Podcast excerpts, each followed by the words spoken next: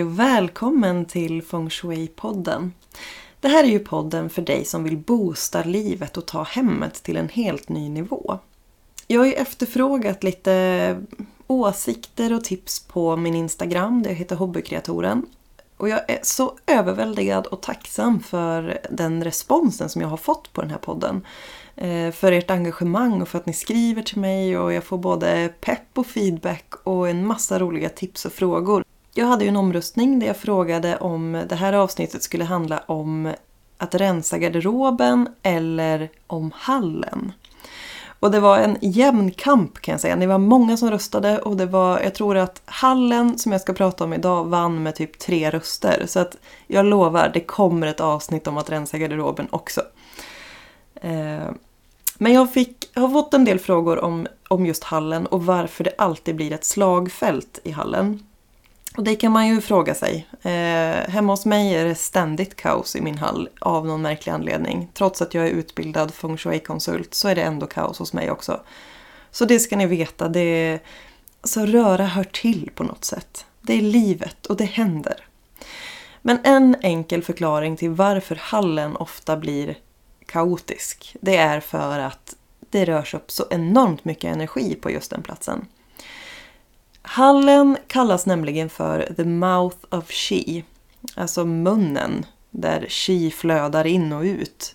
Eh, huvudentrén är ju den dörr som oftast öppnas i våra hem och det är klart att varje gång vi öppnar dörren så drar vi ju in energi och det rörs upp en massa energier. Eh, och det är också naturligt då att det drar med sig lite oreda. A och O i en hall handlar ju om att ha bra förvaringslösningar. Eh, och det här är ju svårt att ge liksom generella råd eftersom det beror på hur varje specifik hall ser ut och hur den är utformad, planerad. Vad har familjen som bor där för behov? Alltså alla har ju inte samma behov. En barnfamilj har ju kanske behov av en annan typ av förvaring än när man bor ensam till exempel. Men där ett generellt tips handlar om att ha så mycket dold förvaring som möjligt.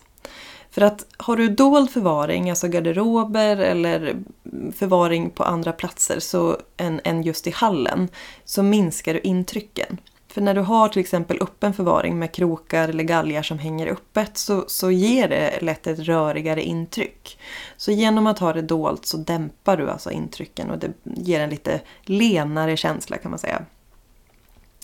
Och där kan ju, har du inte möjlighet att ha till exempel en garderob som vi har i våran hall är väldigt långsmal och det finns inte riktigt plats att ha en garderob längs med sidan i hallen. Så att vi har bara några krokar som hänger precis in till vänster och ett skoställ som är öppet. Och det är klart att det ger ju ett ganska rörigt intryck. Framförallt när man har ungefär 40 par skor och 20 jackor.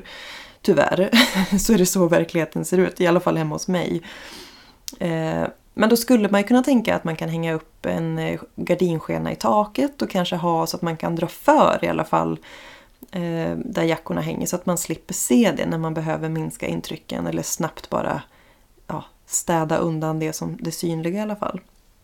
En annan bra sak är något som jag har nämnt flera gånger men det handlar ju om att var sak ska ha sin plats. Och det här blir ju kanske extra viktigt i hallen eftersom det ofta blir väldigt rörigt och det dras upp mycket energi så är det ju viktigt att sakerna som finns där ska ha sin tydliga plats och gärna uppmärkt om man har till exempel förvaringslådor med mössor eller vantar eller halsdukar, ja vad det nu kan vara för någonting.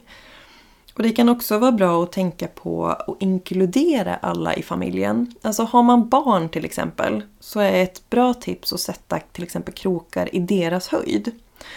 Gärna uppmärkta om ni har flera barn att det står namn eller att de har en viss färg eller Eh, för det gör det hela lite lekfullt och barnen kan vara med och hänga upp sina egna kläder. Även om jag vet att de sällan gör det.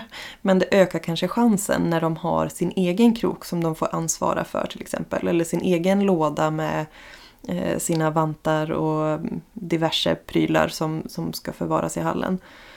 Eh, men det är ju ett fint sätt att inkludera de små familjemedlemmarna också. Att, de, att ge dem lite ansvar och visa på att de har sin självklara plats.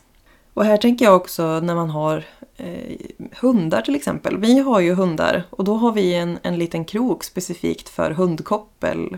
Så att även om de själva inte kan vara med och hänga upp sina koppel så har de ändå sin plats. Eh, för de är självklara för oss.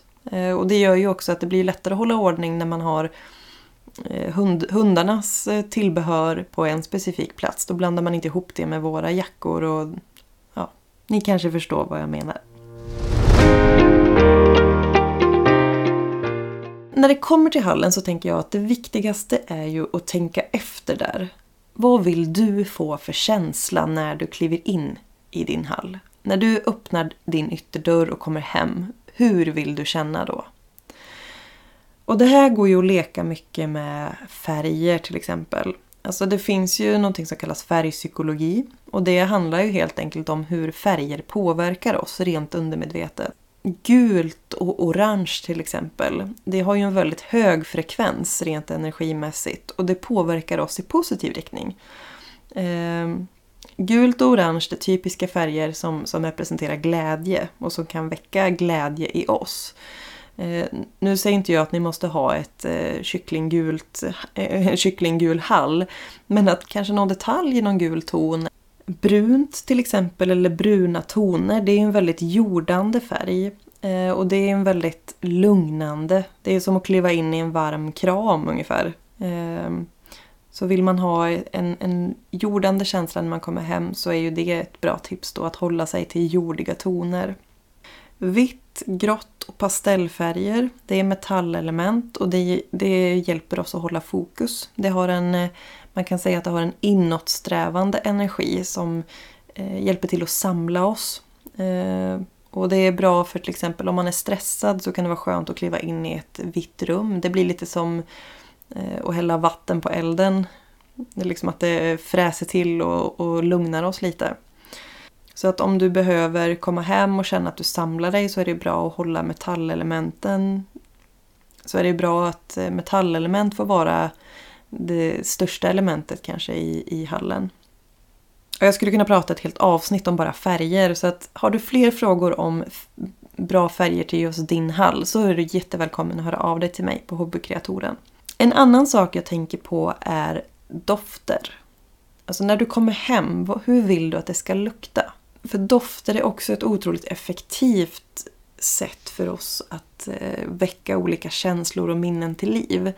Ehm, och där, dofter har ju precis som färger en viss effekt på oss. Och här kan man ju ha till exempel doftljus eller doftpinnar eller sån här diffuser med vatten.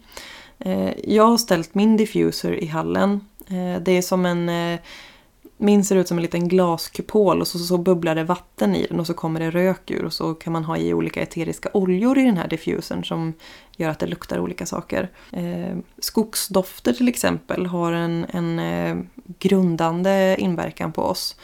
Eh, så har man eh, oljor som luktar kanske cederträ eller frankincense eller ja det finns ju en hel uppsjö olika skogsdofter när det kommer till eteriska oljor. Eh, och detsamma tänker jag med doftljus, att det också finns väldigt grundande doftljus. Eh, så kan du ju få effekt på det sättet också. Att du kommer hem och känner den här lukten av eh, vad det nu är du vill uppnå.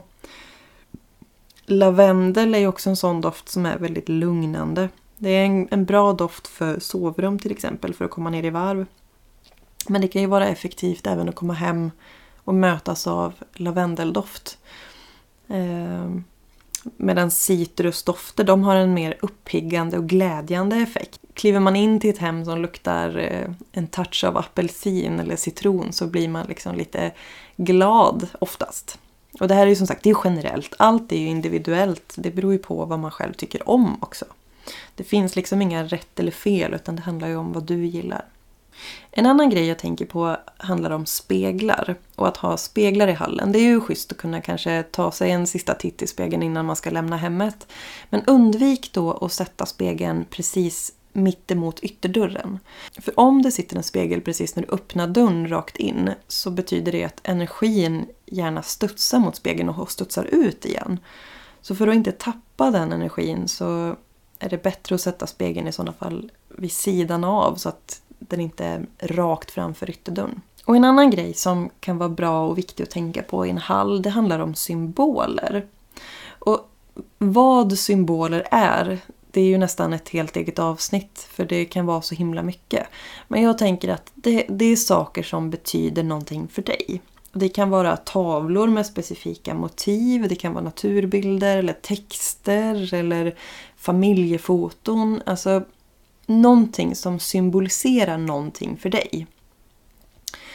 Och i hallen, precis som jag sa, vad vill du få för känsla? Vad vill du bli påmind om när du kommer hem? Eh, vill du ha en eh, tavla som hänger rakt in som säger Välkommen, eh, du är fantastisk eller ja, vad det nu kan vara för någonting. Så är det en jättefin symbol att ha i hallen. Och för att skapa balans i oavsett vilket rum vi pratar om så är det viktigt att alla element finns representerade. Nu har inte jag pratat så mycket om de fem elementen inom feng shui men det kommer att komma avsnitt om det också framöver. Men snabbt kan jag säga att eh, de elementen är trä, eld, jord, metall och vatten. Och finns alla de elementen representerade så skapar det ofta en ganska bra balans i ett rum. Eh, vill du veta mer om elementen och inte kan hålla dig så kan du höra av dig till mig så ska jag hjälpa dig och du kan få mer information. Eh, det finns lite på min Instagram att läsa om också. Eh, och det finns även några blogginlägg där jag har skrivit om de olika elementen. Så att gå in på min hemsida och sök på de fem elementen så kommer du säkert upp några inlägg där som du kan ta del av. Jag lägger en länk i avsnittsbeskrivningen också till en eh, liten lathund om de fem elementen så att du snabbt kan se vad det är för någonting och vilka, vad som representerar de olika elementen. Någonting som är viktigt i alla rum är ju växter. Alltså gröna levande växter. För det rengör luften, det har positiv inverkan på oss och vårt mående. Och en hall är ju många gånger kanske ganska mörk. Eh, som hemma hos mig, vi har inga fönster i våran hall, den är väldigt lång och mörk. Även om feng shui generellt inte rekommenderar plastblommor så tycker jag ändå att det är bättre än ingenting. För det tillför det gröna träelementet och det ger lite liv och en härlig känsla i en, ett mörkt rum. Så att Hittar du en schysst grön plastblomma, kör på den. Det är bättre än ingenting. Ja, jag ska nog börja avrunda dagens avsnitt där när det kommer till hallen. Har du fler frågor om specifikt dina behov, din hall, saker som du vill ha tips om, så hör gärna av dig så ska jag hjälpa dig. Och jag inser verkligen när jag gör den här podden, när jag pratar om det här med, med dig som vill lyssna, så det här är ju en lika viktig resa för mig själv. Jag inser ju hur lite jag lever som jag faktiskt lär. Eh, hur lite kärlek mitt hem har fått. Och jag gör på något sätt en resa själv när jag går igenom det här med er. Och jag märker ju också hur vilken effekt det har på mitt liv. När jag ger min omgivning lite kärlek så är det på något sätt som att jag ger mig själv lite kärlek. Jag skulle bli superglad om du som lyssnar ville berätta vad du har fått för tips eller idéer eller om du har ändrat någonting utifrån det du har hört i den här podden. Eh, skicka gärna bilder eller frågor till mig så blir jag hur glad som helst. Ja, det var nog det för idag. Tusen tack till dig som har lyssnat. Jag hoppas att vi hörs igen om ett par veckor. Ha det så bra. Hej då!